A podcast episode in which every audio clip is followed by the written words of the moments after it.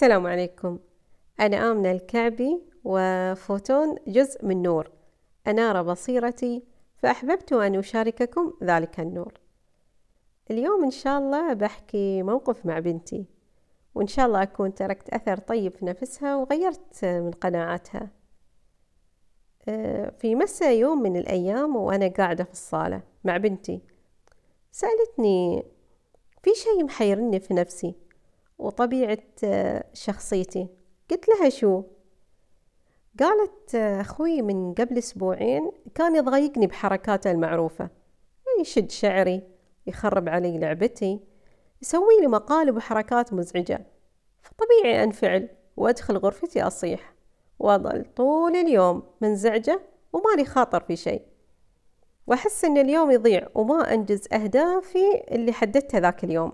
وكأني خسرت يوم من حياتي في حين أن اليوم الصبح سوالي نفس الحركات المعتادة لكني كنت هادية وأمزح معه وما انفعلت وصحت نفس المرة اللي طافت وكملت اليوم وأنا مستمتع بإنجاز أهدافي اليومية فممكن تشرحي لي هل هذا الشيء ممكن يصير مع معظم الناس؟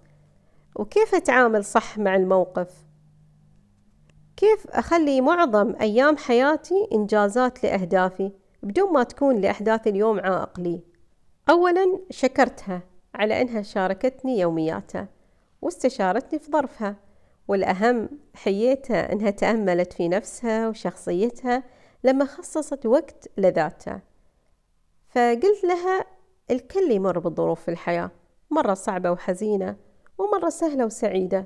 الأهم كيف نتعامل مع المواقف ونكون مسؤولين عن ردة فعلنا ونحتفظ بطاقتنا الإيجابية حتى نكمل يومنا صح ونحقق أهدافنا فيه. ردت علي بنتي وقالت شو يعني طاقة إيجابية؟ وكيف أكون ويكون تفكير إيجابي. قلت لها التفكير الإيجابي إن تكون أفكارنا وحوارنا مع نفسنا بأفكار أقرب للطمأنينة والسلام والتسامح مع نفسنا. والآخرين والكون كذلك. فيستغل الإنسان هذا الوقت للعمل والإنجاز وإن كان هذا الوقت ساعة أو يوم أو أكثر. ومن الطبيعي أن تتحول هذه الطاقة هذا الشخص إلى السلبية بناء على قانون الكون وهو التغير والتحول الدائم. فيجد نفسه يفكر بأفكار سلبية أي أفكار تزيد لديه حدة الضيق. والقهر والإحساس أنه ضحية لشخص ما.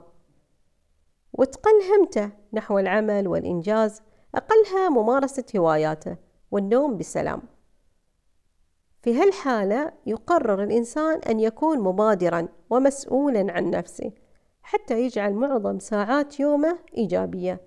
وبالتالي معظم أيامه وحياته مليئة بالإنجازات. المسؤولية لأن يقرر أن يختار نوعية الاستجابة وردة الفعل الصادرة عنه في الظروف ومواقف الحياة. لذلك قرارنا وتصرفنا وردة فعلنا لأي مشكلة أو موقف سواء من نفسنا أو من الآخرين أو حتى مشكلة في الماضي لابد أن تكون ناتجة عن قيمنا اللي نملكها وليست مشاعرنا في ذاك الوقت. وعلى النقيض الشخص السلبي يتحكم فيه الآخرين وتصرفاتهم ونقاط ضعفهم. فيا بنتي في المرة الأولى لما انفعلتي من التصرفات فأنت أعطيتي المشاعر فرصة حتى تتحكم في ردة الفعل وبالتالي خسرتي ذاك اليوم بالسلبية.